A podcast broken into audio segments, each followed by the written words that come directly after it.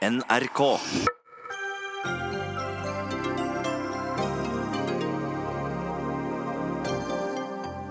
Situasjonen etter raset i Jølster er ennå uavklart. Det letes etter en mann i 50-årene. Politiet møter økende aggressivitet fra ungdom, hevder etaten. Vi må få tilbake respekten for autoriteter, sier Frp. Mammografiprogrammet bør legges ned, ifølge ny norsk studie. Hevder programmet er mer til skade enn nytte. Og vi må tenke på hvordan kuer og griser bedre kan realisere seg selv, sier filosof. Mener vår behandling av husdyr i dag er ren artsrasisme.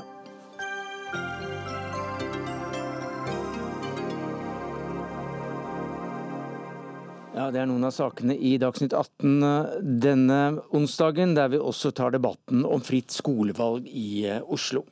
Men vi begynner i Jølster, der en mann i 50-årene fremdeles er savnet etter jordskredene ved Jølstra Vatn. Reporter Asgeir Heimdal Reksnes, du er med oss fra kommunesenteret Skei i Jølster. Eh, hva er situasjonen? Situasjonen nå er at det blir leita etter en person som politiet har sendt ut en pressemelding om er antatt omkommet. De regner med at denne mannen i 50-åra ble tatt av et stort ras som gikk på sørsida av eh, Jølstravatnet, eh, på fylkesveien. Eh, mange brukte den veien som en omvei da E39 ble stengt pga. ras. Og, og, Det viser seg altså nå at en person trolig da er blitt tatt av dette raset. Situasjonen er ellers at folk fremdeles er innestengte på Vassenden. Eh, det blir jobba med å åpne veien såpass at folk kan få vekk bilene. Folk blir frakta vekk ved hjelp av båt. Eh, men E39, eh, hovedferdselsåra gjennom Vestlandet, kommer ikke til å åpne i dag, har Vegvesenet opplyst om. Det var lenge knyttet usikkerhet til antall savnede fordi mobildekningen den var nede, så man fikk ikke kontakt med, med folk i området. Hva er den situasjonen nå? Situasjonen er at eh, mobildekninga fremdeles er nede. Det blir jobba med å få dette på plass igjen. Eh, få opp igjen fiber, eh, få på plass strøm. Gjøre ting som gjør at basestasjonene begynner å virke igjen. Den ståa som sist er blitt opplyst om, er at det fremdeles er ti personer som ikke er gjort greie for. Men politiet regner med at det er fordi at folk rett og slett ikke har mobilkontakt med omverdenen. Og at det er grunnen, at det ikke er fare for noen andre enn den personen som da er savna. Kan du beskrive uh, hvordan det ser ut i rasområdene? Ja, det ser, det ser, forferdelig ut. Eh, jeg har vært her inne i dag. Der er ikke dekning, så det er derfor vi står her på Skei. Men eh, situasjonen er at det har gått flere ras over E39. Eh, langs stranda står det biler som ble forlatt. Eh, folk måtte hentes eh, med båt. Eh, rett, vass, eh, rett inne ved Vassenden, eh, egentlig gjennom kanten av byggefeltet, mellom hus, har det gått et kjempestort ras. Starta på vel 800-900 meters høgde, sier lokale kjentfolk og har gått fullstendig over styr og velta nedover da, mot bebyggelsen. Og til all hell ikke tatt eh, hus, men fullstendig ødelagte veien og revet med seg infrastruktur og skapt et enormt krater i bygda. I tillegg har en egentlig det eh, ras som, som, er like stort, som da har gått på sørsida, der det nå blir leita etter folk. Der er også veien fullstendig vekke. Eh, videre sørover mot Førde er det enda mer uavklart, for der har alt vært stengt. Eh, men ifølge Vegvesenet skal de etter hvert starte oppryddinga der også. En ser jo at raset har fulgt elveløp og at det er elver som rett og slett har gått fullstendig over styr i, det vanvittige regnværet som slo inn lokalt i området i går ettermiddag og kveld. Takk skal du ha, reporter Asgeir Heimdal Reksnes. Eh, Brikt eh, Samdal, du er regionsjef i NVE Vest, altså Norges vassdrag- og energidirektorat. Hvordan vil du beskrive dette raset? Nei, Det er jo en, en eh, stor tragedie og en eh, veldig kolossal og stor hendelse som har kommet lokalt. Og har stor medfølelse for de som er ramma av denne situasjonen, og spesielt den uavklarte situasjonen med mulig omkommet eh, person. Det som har skjedd her, er jo en veldig spesiell situasjon med stor varme på forhånd som eh, observerer mye vann opp i de øvre skylagene, som møter denne kaldfronten, og vi får en veldig ustabil situasjon. Og så flyttes disse skysystemene på Vestlandet og stopper mer eller mindre om, opp og, og, slipper enorme mengder med vann akkurat i disse områdene i Jølstad bl.a. Hvordan vil du vurdere utfordringene knyttet til arbeidet med å rydde etter disse skredene?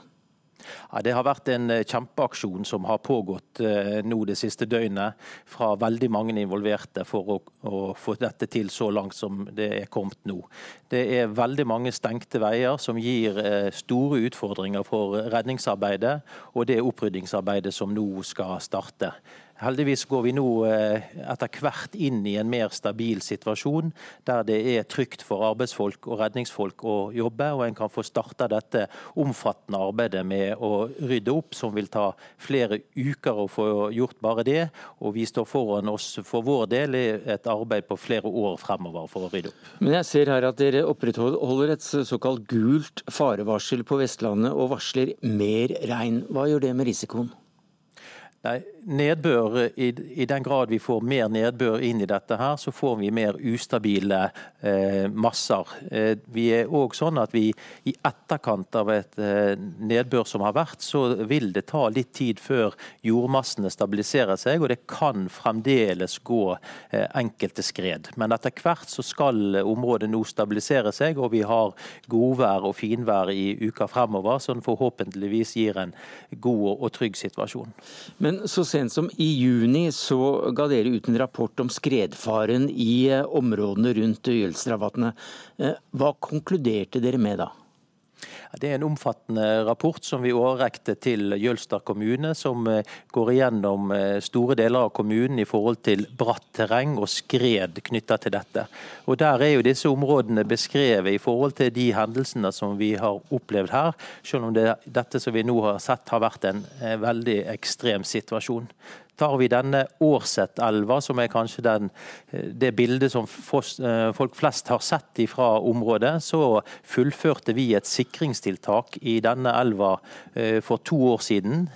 Og sånn som vi har sett situasjonen nå, så var det avgjørende for at ikke husene langs dette vassdraget ble ødelagt denne gangen. Men igjen, hva konkluderte dere med når det gjaldt rasfaren i dette området?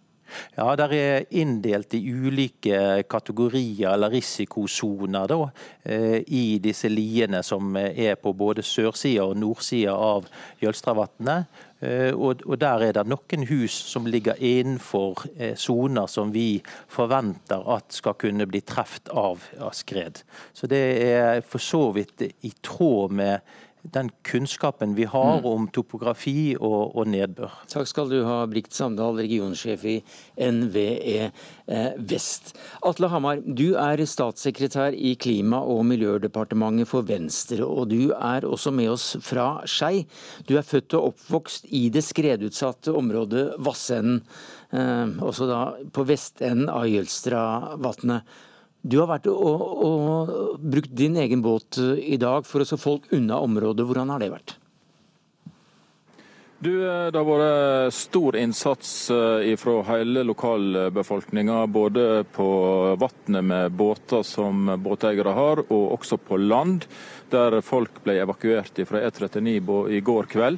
Tatt inn i samfunnshuset Gjesthalla og på skolen, og har fått forpleining og opphold der. Eh, fordi at det har ikke vært mulig å trafikkere.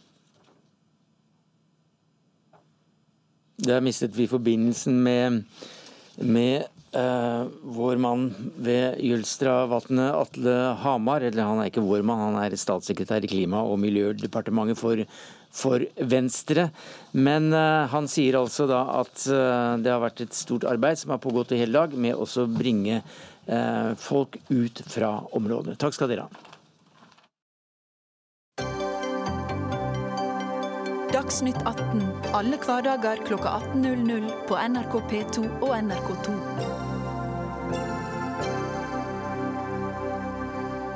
Mandag rykket politiet ut til en slåsskamp der ungdommen hadde macheter og slagvåpen på Bogerud i Oslo. Der ble politiet møtt eh, av eh, aggresjon fra rundt de rundt 20 ungdommene. Politiet sier selv at dette er et økende problem. Jon Roger Lund, du er enhetsleder ved Oslo politidistrikt, enhet eh, øst. 17 patruljer og et helikopter eh, på én hendelse. Hvordan opplevde dine folk det som skjedde? Ja, Det som er veldig konkret eh, hendelsesforløp der, er jo at eh, man får eh, beskjed om et alvorlig oppdrag. Vi bevæpner oss eh, på eh, bevæpningsordre og kommer til stedet, og det blir utvist en veldig aggressiv holdning mot politiet når de skal gjøre jobben sin på stedet. Jobben på stedet er jo å ta vitneforklaringer, prøve å se hva det er som har skjedd, slik at man kan oppklare saken. Men aller mest er det da å ta vare på fornærmede, og man skal prøve å finne den siktede. I denne saken her så var det da eh, trusler med eh, kniv eller machete. Og vi har altså én fornærma og én sikta i denne saken. Men politiet følte seg også svært eh, utsatt. Hvordan opplevde dine folk dette? Ja, De opplevde det at de eh, som var på stedet, var aggressive i væremåten. De eh, gikk mot politiet. De hadde en fiendtlig og aggressiv holdning, som gjorde at våre mannskaper til slutt faktisk måtte trekke våpen for å holde disse 20-25 ungdommene på avstand. Og det var altså 17 patruljer, det betyr vel 17 biler, det? Det er 17 biler. Men det er 30-40 mennesker? Det er 30-40 stykker, pluss at vi da hadde politihelikopter oppe som observasjonsplattform. Kjenner dere disse ungdommene det er snakk om? Ja, disse ungdommene kjenner politiet meget godt. Eh, dette er ungdom fra Bogerud som i utgangspunktet er en stille og rolig eh, del av bydel Østensjø, som er et fint sted i Oslo. Eh, men disse har, flere av disse har kriminell bakgrunn. Hvem er de? Dette er ungdom eh, som bor i området, og som er mellom 16 til helt opp til 25 år. Så, så, vi kan vel nesten ikke kalle det ungdom når det er en 24-25-åring eh, som eh, er ute og, eh, og, sammen med disse unge. Hvordan jobber politiet med, med, disse miljøene og disse ungdommene akkurat på dette stedet? Ja, det som er det, det er at Ved Enhet Øst har vi 70 forebyggere. Til sammenligning så er det i Malmö by ca. 20 forebyggere. Hva er en forebygger? Forebygger er en, eh, en politimann eller -kvinne som er ute i lokalmiljøet daglig. Der er, det, er, de ute sammen med, på skole, fritid, der ungdommen ferdes, for å skape dialog og kontakt og tillit til disse ungdommene. De er der også når ungdommene trenger hjelp, og de er også med på å hjelpe politiet når det trengs. Så det du sier at 70 stykker er kanskje ikke nok? Nei, det kan man jo alltid si. Man kunne alltid ha vært flere. Men det, det, vi snakker om her nå, det er altså en hendelse hvor ungdommen er utagerende, og hvor politiet eh, ser seg nødt til å bruke eh, de midlene de har for å kunne utføre oppdraget sitt på stedet. Og Politiet har sagt at det er et økende problem med aggresjon mot politiet? Det har vi i flere eh, anledninger sett, at man har hatt eh, aggresjon eh, når politiet mm. kommer til stedet for å løse andre alvorlige alvorlige oppdrag. Som politi så er ikke du så altfor interessert i å være med en politisk debatt, så takk skal du ha, Jon Roger Lund, enhetsleder ved Oslo politidistrikt enhet øst. Kristian Tybring-Gjedde, du er stortingsrepresentant for eh, Frp, og hva sier du til dette? Nei, det er jo, Jeg glemte jo et vesentlig moment, men eh, det var jo at eh, de hadde innvandrerbakgrunn. Jeg syns vi skal være veldig redde for å si det. For det er litt av de grunnen til vi sitter her. Og Dette er jo ungdom eh, og eldre enn ungdom som er dratt mellom to kulturer. Og som ikke har fått integrert seg i det norske samfunnet i tilstrekkelig grad. Det aller viktigste her er at foreldrene svikter. Og foreldrene svikter kanskje på et grunnlag som er ikke så veldig unaturlig. for ofte så er disse ungdommene sier Foreldrene til disse ungdommene en er hentet ofte i opprinnelseslandet, og den andre er ofte født her eller kommet tidligere til Norge. Det gjør at eh, både at eh, sønnene har eh, overordnet mødrene, og fedrene ofte er fraværende. Eh, det gjør at de ikke får en mulighet til å være en del av det norske samfunnet. Eh, og, eh, Det er noe vi må ta tak i. Det er det aller viktigste. Skal vi få til dette her, så må vi slutte å hente ektefeller i opprinnelseslandet. Det gjør at vi regenererer førstegenerasjons innvandrere om igjen og om igjen. om igjen. Mm. Og nå tror Jeg jeg har sagt dette i 15 år. Jeg tror det begynner å gå opp for folk, og jeg tror vi kommer til å slutte med det. Er det det som er problemet, Raymond Johansen? Du er byrådsleder i Oslo. Uh, nå veit jo tydeligvis uh, Tybring-Gjedde veldig mye om disse. Eh, det vet ikke jeg. Eh, jeg vet at ni av ti eh, var over 18 år, og én var 15 av de som var anholdt i går. Samtidig så er jeg veldig tydelig på det å ha denne aggressiviteten mot politi er selvfølgelig uakseptabelt. Og jeg har tidligere vært veldig bekymra over de samlede politiressursene som har vært i Oslo. Bl.a. evnen og muligheten til å drive forebyggende arbeid. Det er jo ikke noe ukjent i Oslo. Sjøl er jeg fra Tveita. Uh, og Før så kunne vi snakke om store sosiale problemer. Det er det fortsatt i Oslo. Noen velger da å snakke om etnisitet framfor å snakke om uh, fattigdom. Det er trangboddhet, det er utenforskap eh, og manglende politiressurser. Og programleder, la meg også si det at du har sittet i regjering nå i seks år med hovedansvaret for innvandringspolitikken, med hovedansvar for integreringspolitikken. Og før det så styrte Fremskrittspartiet Oslo i 18 år. Så eh, jeg trodde man eh, ved å ønske å ta politisk makt, faktisk da ønsket også å være mm. ansvarlig for den politikken som man da står for. Raymond Johansen, kan vi være så snill å slutte med dette våset som du holder på med? Dette med å skylde på hverandre, at du har sittet der, du har sittet der. Fremskrittspartiet i regjering gjør så godt de kan ut fra de fire partiene som sitter der. Vi har gått til valg på vårt partiprogram, vi kommer til å fortsette med det. Og jeg kommer til å sitte på Stortinget og kommer til å fremme Fremskrittspartiets politikk. Det er min jobb. Og så slutter vi med dette tullet og så prøver vi å løse utfordringene vi har. Utfordringene er alvorlige, og de skal vi prøve å løse. Eh, jeg vet ikke hvorfor du ler, men Nei, skal det kan vi kanskje forklare. Jeg syns jo det er, Vær snill, for du snakker om sosiale utfordringer. Trangboddhet. Det var trangboddhet før også, før innvandringen startet, Raymond Johansen. Og nå skal jeg vise deg en liten oversikt over tiltakene som er gratis i Søndre Nordstrand. Det er seks fritidsklubber med 100 besøkende hvert år. Gratis tilbudaktiviteter i sportsklubber, motorsenter, gårdsbruk, frivillighetssentraler, menigheter pluss Ung Agenda, unge leksehjelptilbud, egne drop-out-team, jobbprosjekt for ungdom, bydelsverter, oppsøkende miljøarbeidere, natteravnere, økt innsats for forebyggende politi. Og så i tillegg så sier din, eh, din, eh, leder for ditt parti at nå, nå skal vi få gratis skolemat.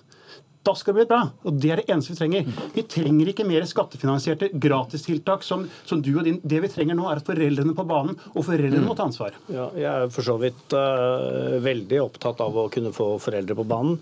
Vi har nå i Oslo uh, gjennom de to siste åra hatt uh, noen vellykkede tiltak. I år så har vi skaffa sommerjobber for 1500 stykker.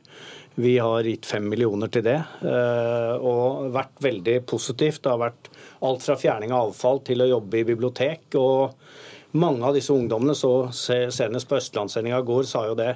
Endelig ble jeg tatt på alvor. Muligheten til å tjene litt uh, penger. Muligheten til å få et vennlig ord fra et voksent menneske.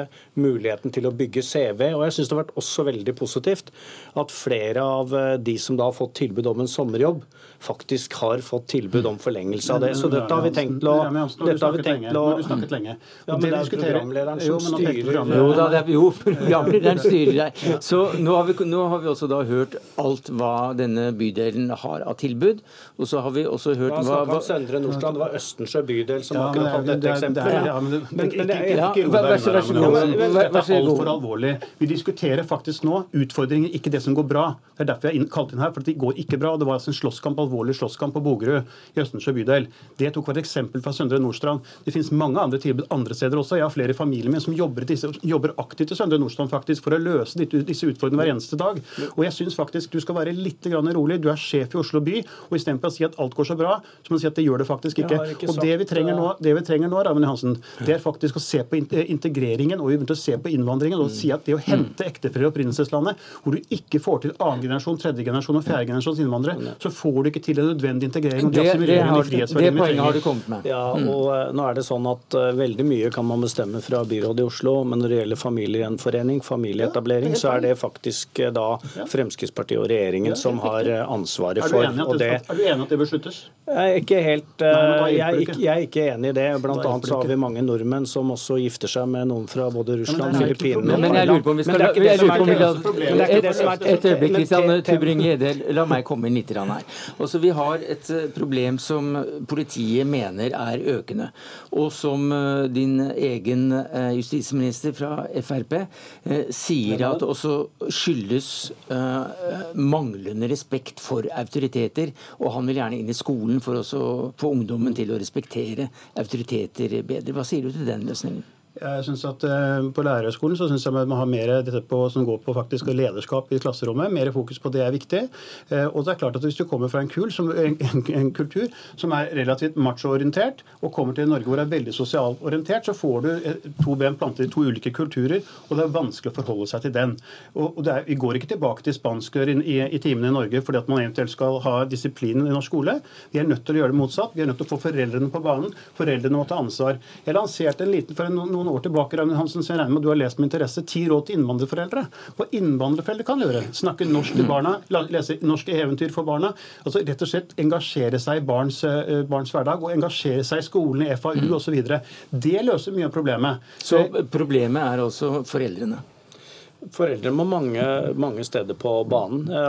Et veldig positive eksempler bl.a. fra Stovner bydel hvor vi så en del eh, foreldre, foreldrekvinner med eh, somalisk bakgrunn som eh, hadde satt seg ut med stolen sin og fulgte med gutta, og det hadde en veldig positiv påvirkning på det. Det er klart Foreldra må ofte på banen, men vi har å gjøre med familier som ofte har to-tre jobber mange barn, store utfordringer sosialt. Vi har også mange familier hvor arbeids... Arbe ja, Bl.a. det å skaffe jobb.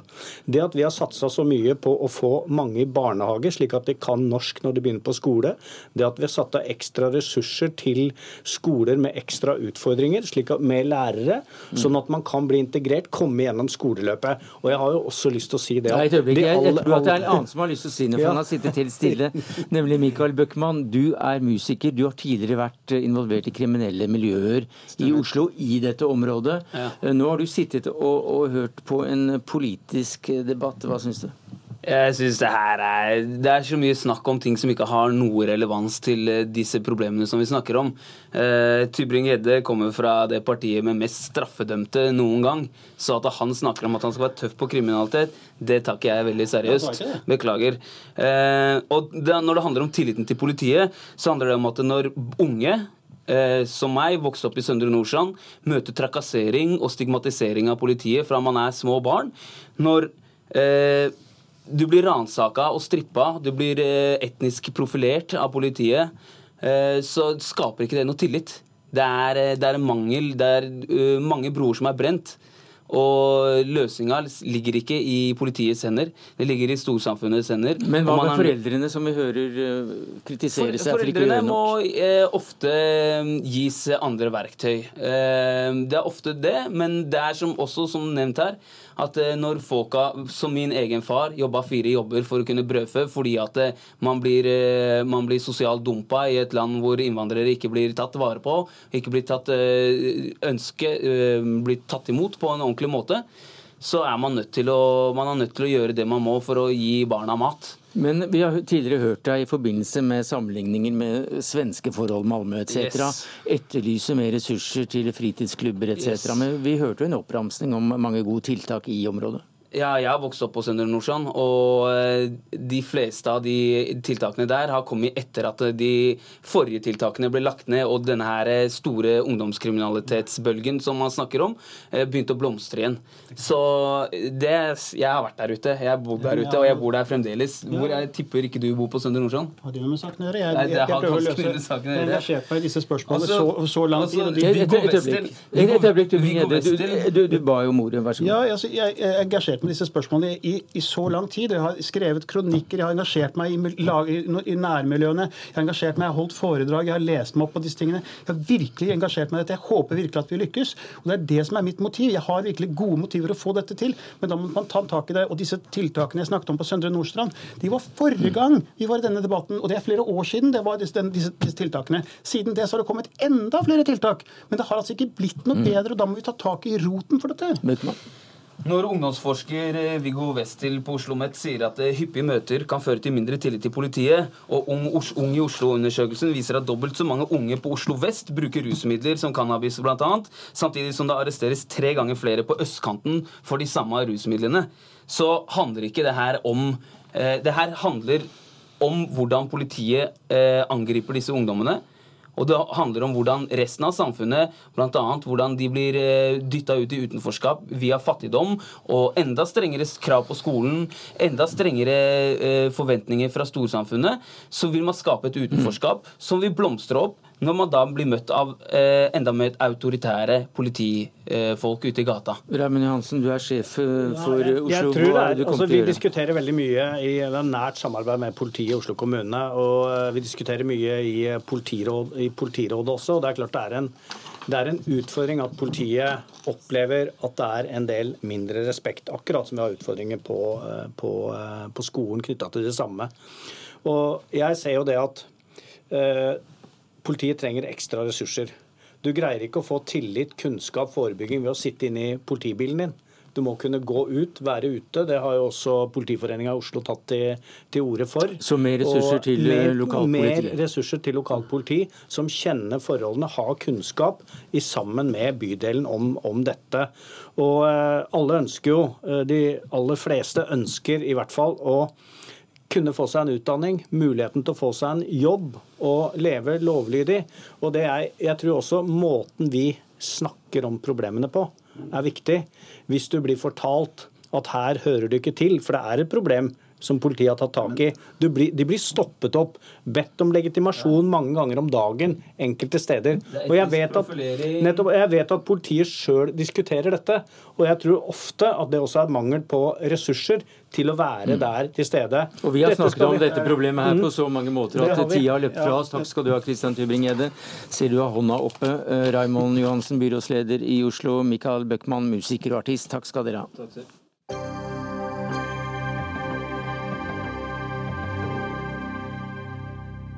Ja, Senere i sendingen skal vi høre om en ny norsk studie som viser at eh, mammografiprogrammet er til mer skade enn nytte, ifølge forskere, og at dette tilbakevises sterkt av Kreftforeningen bl.a.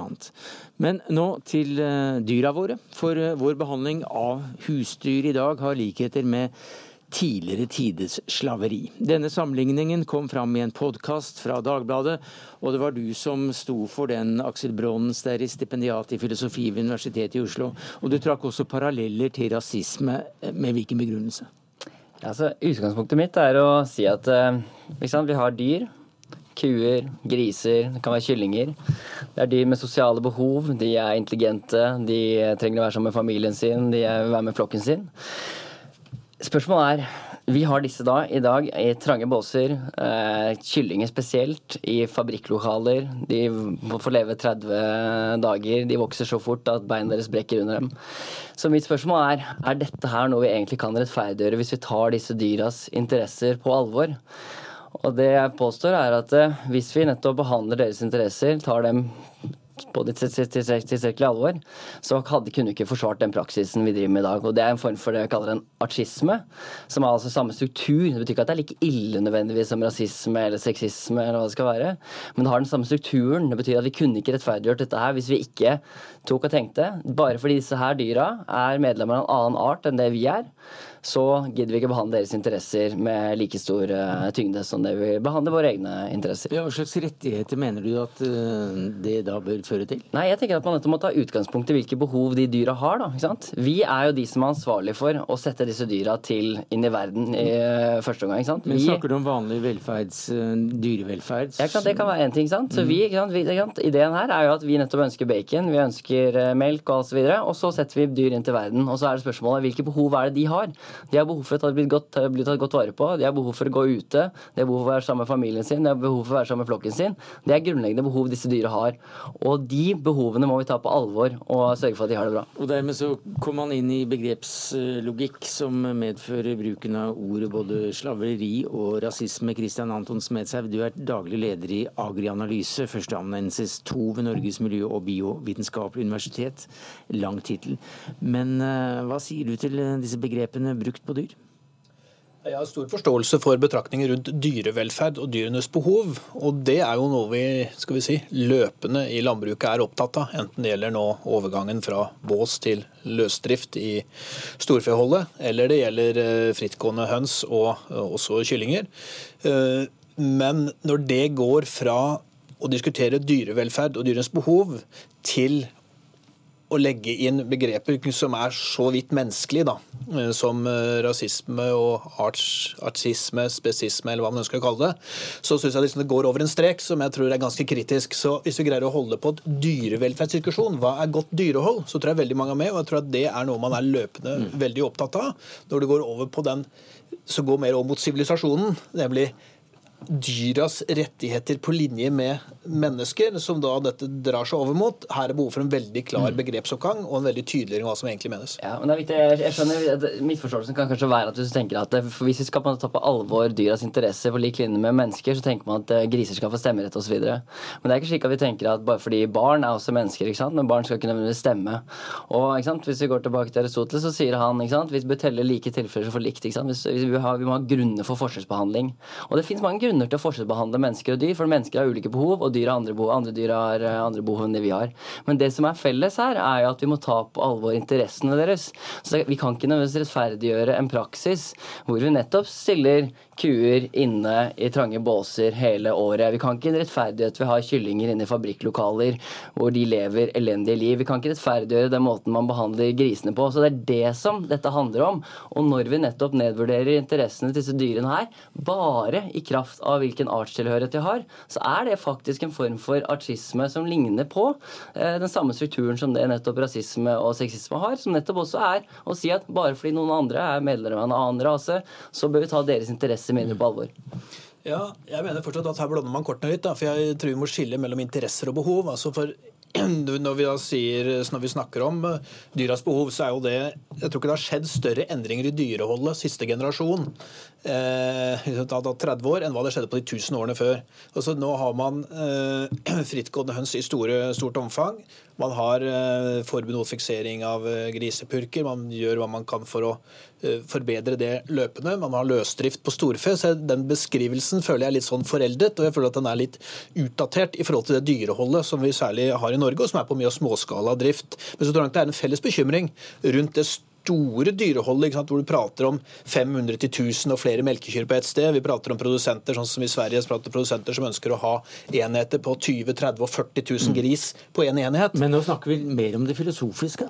Jo, men derfor er det viktig å skille mellom behov. for jeg føler at Det filosofiske sklir over i dyras behov her, og det mener jeg vi ivaretar ganske godt. og det er derfor jeg føler at Forholdet mellom behov og det som da ligger på mer frigjøring og dyras interesser, blir det viktig. og Hvis vi prater om behov, så er det greit. Hvis vi prater om dyrefrigjøring, så blir det litt annerledes. Ja. Dyrefrigjøring, er det et begrep som eh, du har brukt? Nei, nei, det er det definitivt ikke. men, det eh, tenker, men, men ja. hadde det vært noe å gå videre med? Nei, det tror jeg ikke nødvendigvis er det riktige. ikke sant? For det, det, det, som er det store spørsmålet er, Vi kan bry oss om de dyra som er eh, i naturen, skal man si. Man kan ha forpliktelser overfor de eller ikke. Men det jeg tror alle kan være enig i, er at vi har ekstra forpliktelser overfor de dyra som vi setter til verden. Men, men hvor, langt ned, hvor, langt ned, i artshierarkiet eller pyramiden er det da villig til å gå? Altså, skal man eh, hva med mark på kro?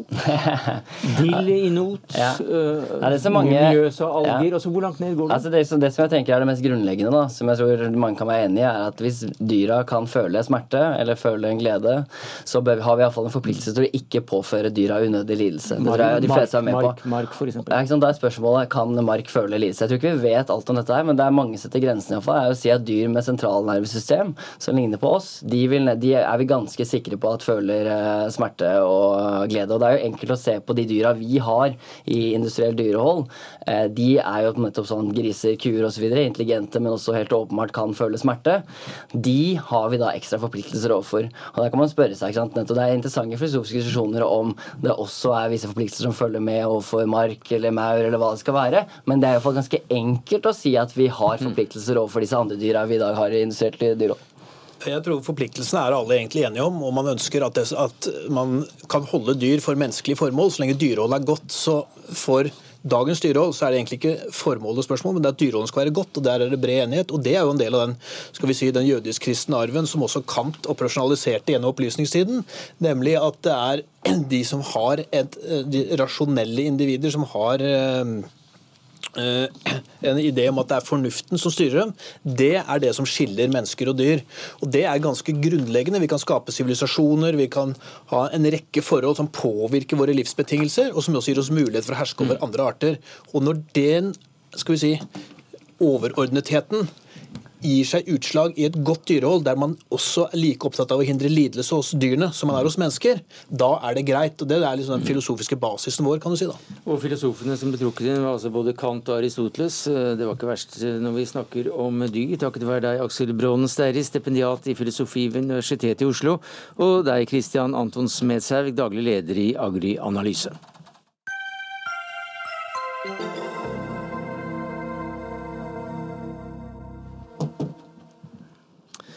Hvert år deltar 200 000 kvinner i mammografiprogrammet. og Over 1000 kvinner får gjennom dette programmet påvist brystkreft eller forstadier til brystkreft, ifølge Kreftforeningen.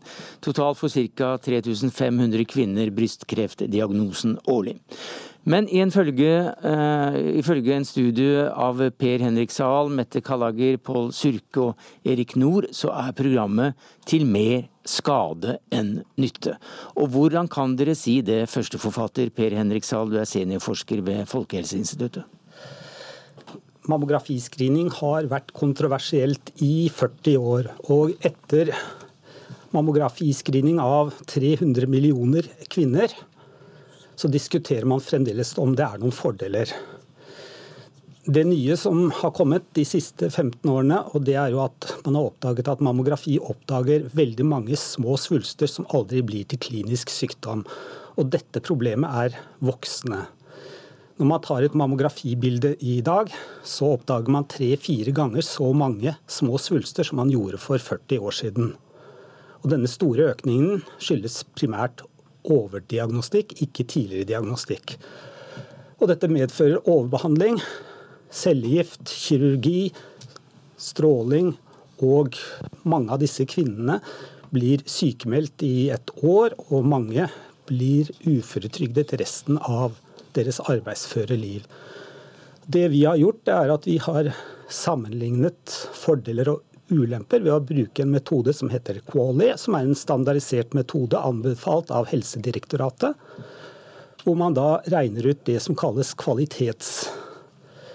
kvalitetsjusterte leveår ved et helsetiltak. Og dette gjøres kontinuerlig for alle nye eh, metoder som blir introdusert i medisin, enten det er legemidler mm. eller kirurgi eller vaksiner. Og da har dere funnet ut at det vi finner ut, er at Quali bare blir det var i utgangspunktet så vidt positiv, men med et økende problem med overdiagnostikk, så blir jo dette bare mer og mer negativt. Men ville ikke mange flere eh, da dødd av brystkreft hvis ikke mammografien hadde eksistert?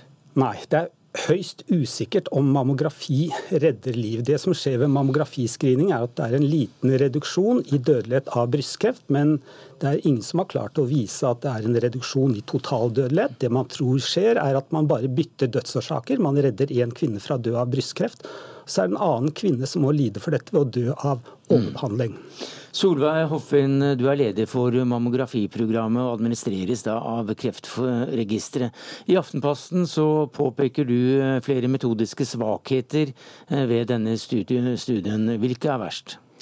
For det første så bygger hele studien på et hypotetisk datasett.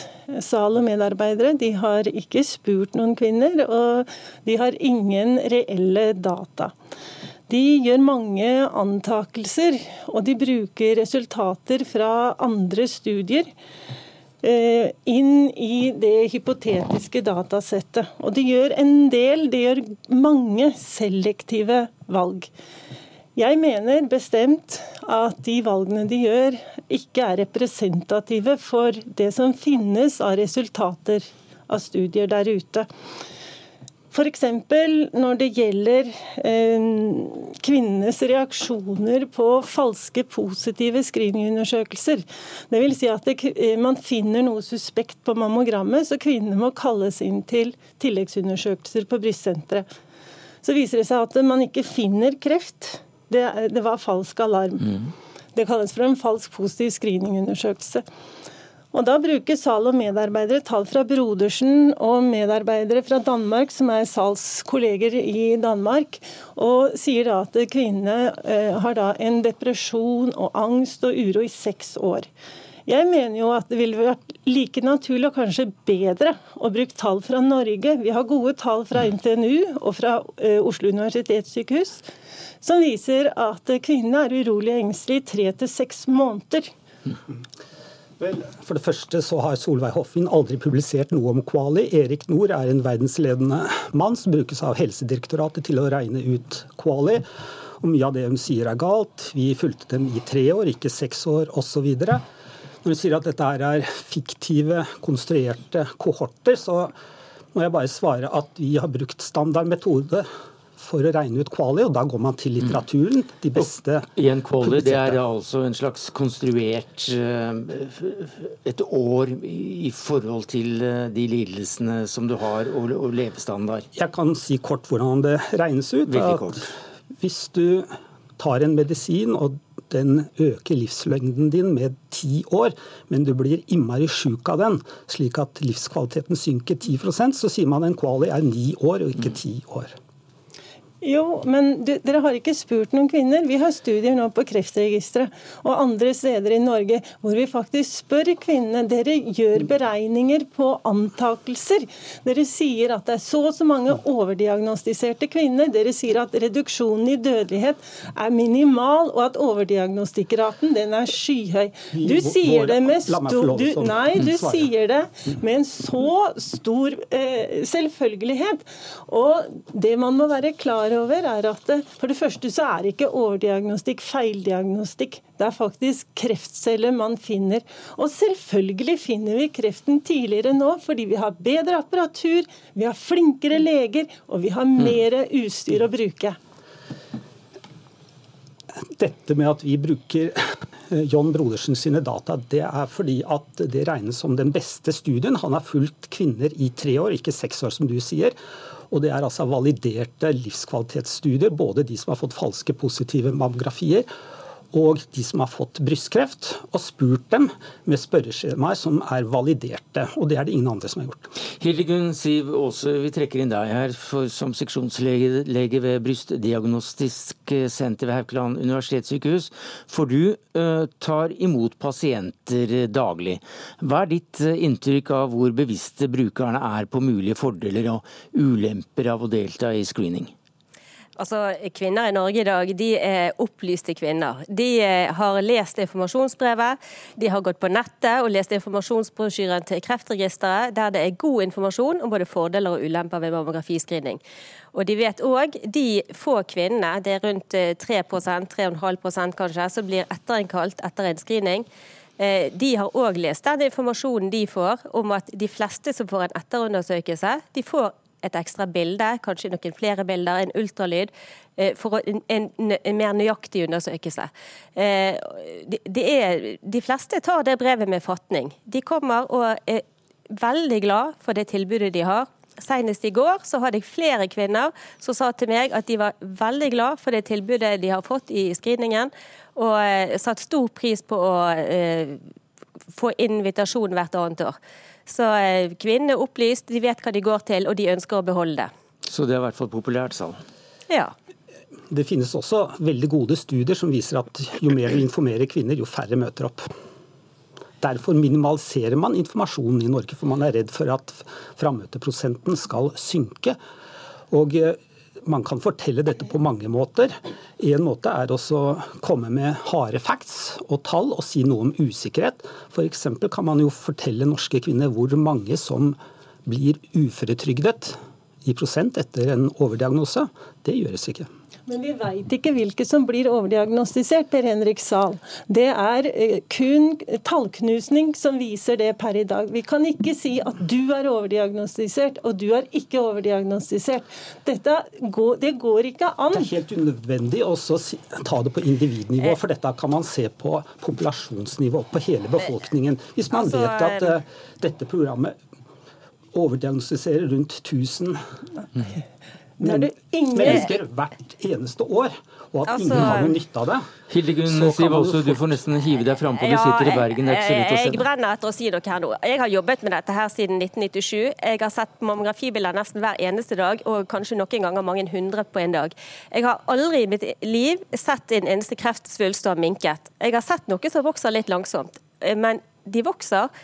Noen vokser veldig raskt, andre vokser litt saktere kreftsvulster forsvinner ikke av seg selv. Og overdiagnostikk, Det er veldig viktig at folk får med seg her at det, det handler ikke om feildiagnostikk. Det handler om at vi stiller en diagnose eh, der det er kreftceller til stede, der vi anbefaler eh, en behandling. Og Finner vi det tidlig, som vi ofte gjør i screeningen, så eh, er det sånn at kvinnene får en eh, lite omfattende behandling. Det blir en liten operasjon, kulen fjernes, de beholder brystet. De aller fleste som gjør det, de har et godt liv etterpå. De går tilbake i jobb og er kjempeglade for at det ble oppdaget tidlig, og de har et bra liv etterpå. Jeg møter sånne kvinner hver dag. To ting. Det ene er at Nav har laget en oversikt over hvor mange som blir uføretrygdet utrygdet, altså folketrygden. Og det andre er at eh, hvis du fjerner alle svulster med en gang, du har sett den på røntgen, så kan du ikke se at den om den går bort eller blir mindre. Så Det er ikke noe rart Nei. du ikke har sett den. Men, men, vi, men vi leger jo... i dag tror at dette her er faktisk tilfellet. Og grunnen til at jeg kan være så bastant og si det, det er ikke at jeg har publisert det for ti år siden, men for at nå foregår 285 kliniske studier i USA av brystkreft for å se om immunterapi kan ta knekken på de store svulstene. Og hvis de tror at de kan ta knekken på de store svulstene, så er det fordi man vet og er ganske sikker på at det tar knekken på de små svulstene. Bjørn Hoffmann, eh, vi trekker inn deg som en fjerdemann her. Du er professor i medisinsk etikk ved NTNU Gjøvik. Eh, det skapes jo nå ganske stor usikkerhet. da. Eh, jeg vil tro at mange lyttere her blir, blir noe forvirret. Hvorfor er mammografiprogrammet så omstridt i det medisinske miljøet? Som vi hører, så er det jo store eh, uenigheter. Og det er stor faglig eh, uenighet om dette. og En av grunnene er, som vi også hører, det er vanskelig å måle både nytte og eh, ulemper ved denne type screening. Eh, og Kunnskap om effekten er veldig polarisert. Eh, entusiastene publiserer ofte resultater, gode resultater på nytte, og veldig lite og publiserer små risikotall. Mens de som er kritiske, ofte publiserer data som viser resultater som viser at eh, nytten ikke er så stor, men risikoen er større. Ingen av de eh, lyver, eh, fordi selv om de bruker det samme tallmaterialet, så er det som eh, debattantene her får fram, basert på beregninger på populasjonsnivå. Man kan ikke se dette på individnivå, verken hvem som blir reddet eller hvem som blir overdiagnostisert.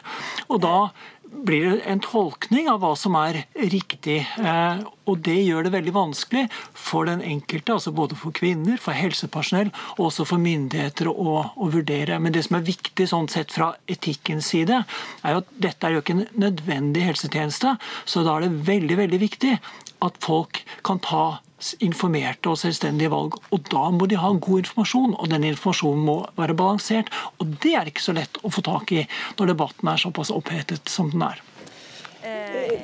Eh, europeisk, Et øyeblikk, vi, vi får en Hoffning her. Eh, de nye europeiske retningslinjene har gått gjennom eh, masse litteratur, og det har vært store grupper som har jobbet med dette. Altså, de europeiske retningslinjene de anbefaler mammografiscreening fordi de har vurdert fordelene som større enn ulempene, helt i tråd med Verdens helseorganisasjon. Så jeg syns jo det er interessant at Sal og og flere her nå hevder at det ikke er faglig grunnlag, for det er jo nettopp det det er. Da man sitter og vurderer det samla, så veier skåla tyngst. Og jeg er veldig glad for at vi kan tilby kvinner i Norge det programmet som vi har i dag. Hoffmann. Ja, men Det er jo ikke det som jeg sa. Det jeg sa at eh, Selv om man da eh, bestemmer seg for at jo, men, eh, på landsbasis så mener man at nytten er bedre enn ulempene, så behøver jo ikke det bety at ikke kvinnene skal få lov til å ta selvstendige valg og få god informasjon likevel. Det er det som er hovedpoenget her. Og det er vanskelig å informere når studiene spriker så mye som de gjør, og når entusiastene publiserer veldig positive tall, og kritikerne eh, publiserer langt eh, mindre positive tall. Det gjør det veldig vanskelig for befolkningen generelt, altså. For, for eh, meg som jobber på et brystsenter, så er det jo sånn at jeg jobber ikke bare med mammografi partiscreening. Jeg jobber med eh, mange henvisninger som jeg mottar fra fastleger. Eh, og vi ser òg de kvinnene som plutselig får en kul i brystet.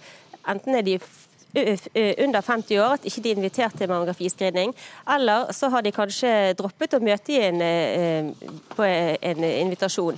Eh, og vi, vi, ser jo det at eh, oftest når vi finner store svulster, og svulster som har metastasert, eh, spredd seg, så er det eh, oftere kvinner som ikke har eh, møtt i screeningen. Så, så jeg, jeg, jeg synes jo jeg har både statistikken som eh, sier meg at eh, mammografiscreening nytter når du bruker individbaserte data, eh, som nok selvfølgelig er det som en må bruke eh, for å få fornuftige tall.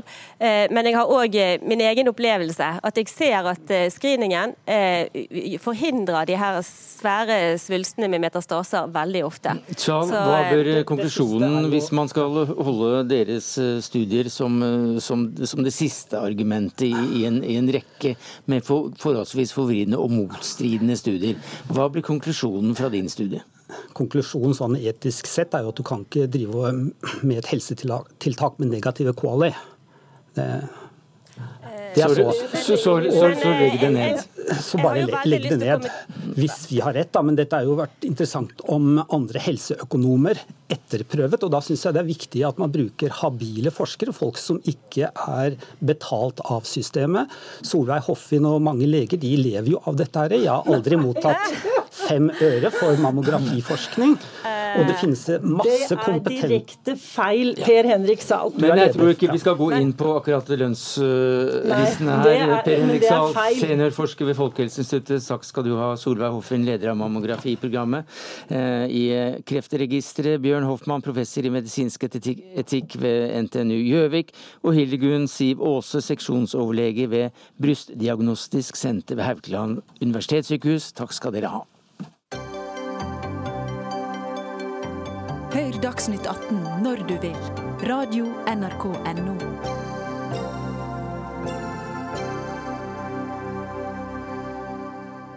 nærmer seg skolestart også i hovedstaden, der ungdommen de siste ti årene selv har kunnet velge hvilken videregående skole de skal gå på, avhengig av karakterene, selvsagt.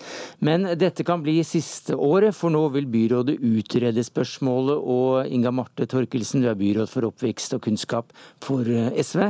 Hvorfor er det så viktig å skrote eventuelt et system der åtte av ti får den skolen de har som første prioritet i Oslo? Du, For det første så har jeg bare lyst til å si at jeg er veldig glad for at du innleda med å si at de kan velge basert på karakterer, selvsagt. Fordi at vi bruker jo et språk som ikke er sant når vi snakker om inntakssystemet i Oslo og mange andre steder i Norge òg. Men hvorfor vil fritt skrote dette systemet som altså er ganske populært? Åtte av ti får eh, den skolen de velger. Nei, nei. Vet du, eh, det er sånn at 18% av våre elever kan velge fritt på øverste hylle akkurat den skolen de vil gå på.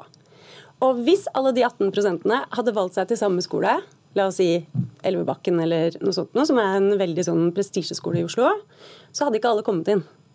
Og det hadde vært enda snevrere hvor mange som kan velge helt fritt. så Derfor så er det misvisende å kalle det fritt skolevalg. Derimot så er det sånn at eh, det er skapt et enormt prestasjonspress på våre ungdommer. Vi har undersøkelser fra Ung i Oslo som viser at eh, den psykiske helsa til våre ungdommer blir dårligere. Og de peker på et kjempesterkt prestasjonspress og stress som går på helsa løs som den store årsaken. Og det er skolen som er kilden primært til det. Det må vi ta på alvor.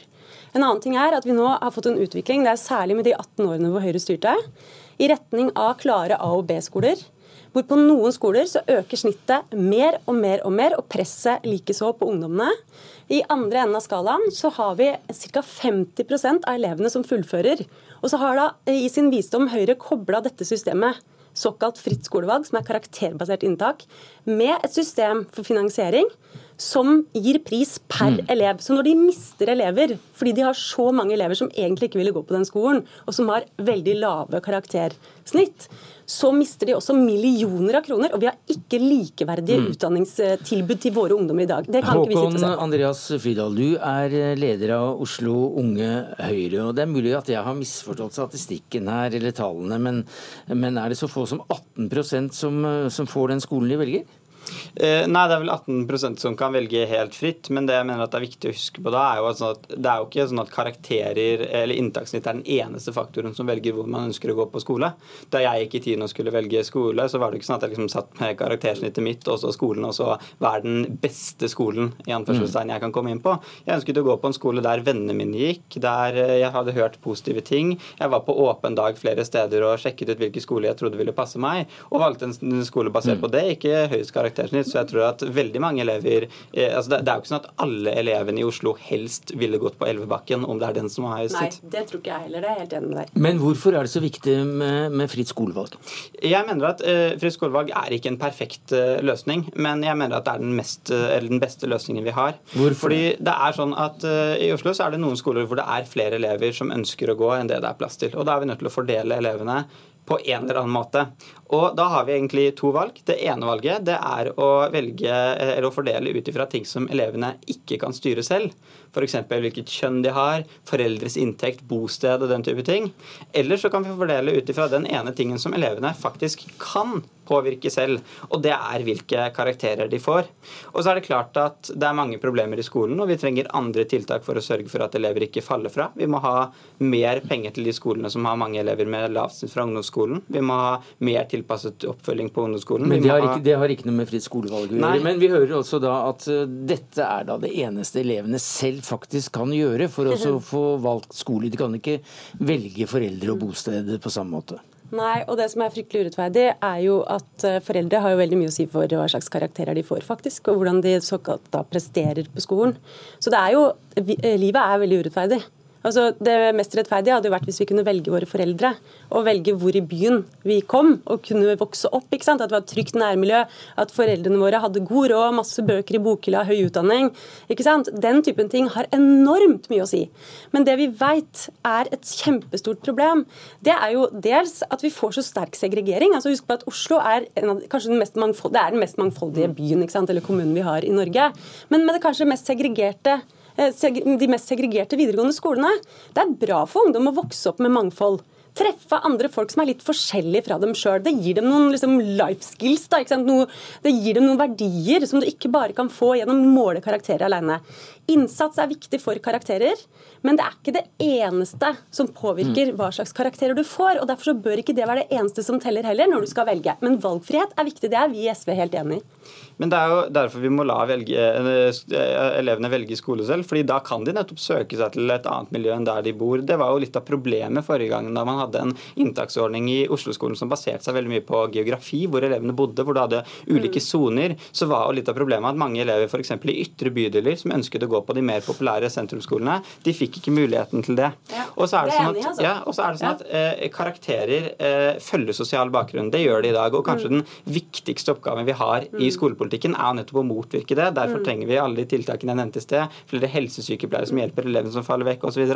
Men det er jo også sånn at det går an å påvirke karakterene sine selv. Hvis du øver, eh, hvis du gjør alle spanskleksene i løpet av hele året, så får du bedre karakter. Sitter du oppe kvelden før mm. matteprøven og jobber, så blir du bedre i matte. Ja, vil ikke du oppmuntre som, som byråd? Vil ikke du oppmuntre til dette? Jo, men allikevel vil du frata det som en, den viktigste motivasjonen Nei, for å jo, velge skole selv? Jeg tror at vi alle sammen skjønner at det er ikke bare det liksom, som kan motivere folk til å gjøre en innsats heller, dette med karakterer. Det å ha en pisk bak deg. Eh, fordi at Vi har det jo sånn i Oslo at hvis du først har kommet inn på en skole, så har du fortrinnsrett på neste året hvis du går på studiespesialisering. Så det er ikke sånn at vi tenker at å, her må vi bare piske ungdommen videre, for ellers så vil de ikke yte en innsats. Det tror jeg ikke noe på. Men det, er, eh, det jeg syns er veldig rart med Høyre, eh, og du er jo fra Unge Høyre, så du skal ikke måtte stå til ansvar for det moderpartiet ditt gjør, men når vi da sier at vi skal sette ned et utvalg, og det har vi gjort, endelig et åpent utvalg for en gangs skyld. Vi sitter ikke og utreder i de lukka rom, men i det offentlige rom. Hvordan kan dette systemet se ut? For vi veit ikke hvordan systemet bør være. For det er så komplisert. Bl.a. bosetting i Oslo. Så sier Høyre nei, det skal vi ikke ha. fordi ideologi om konkurranse og marked, det trumfer kunnskap. Det er veldig rart. Det er veldig rart, men eh, det, det rare det er at eh, Dagsnytt 18 også nå er over, faktisk. Det var det vi rakk den onsdagen, takket være ansvarlig for det hele Dag Dørum. Det tekniske ansvaret hadde Erik Sandbråten. og Jeg heter Sverre Tom Radøy. Vi høres igjen til morgen til samme tid. Takk skal dere ha.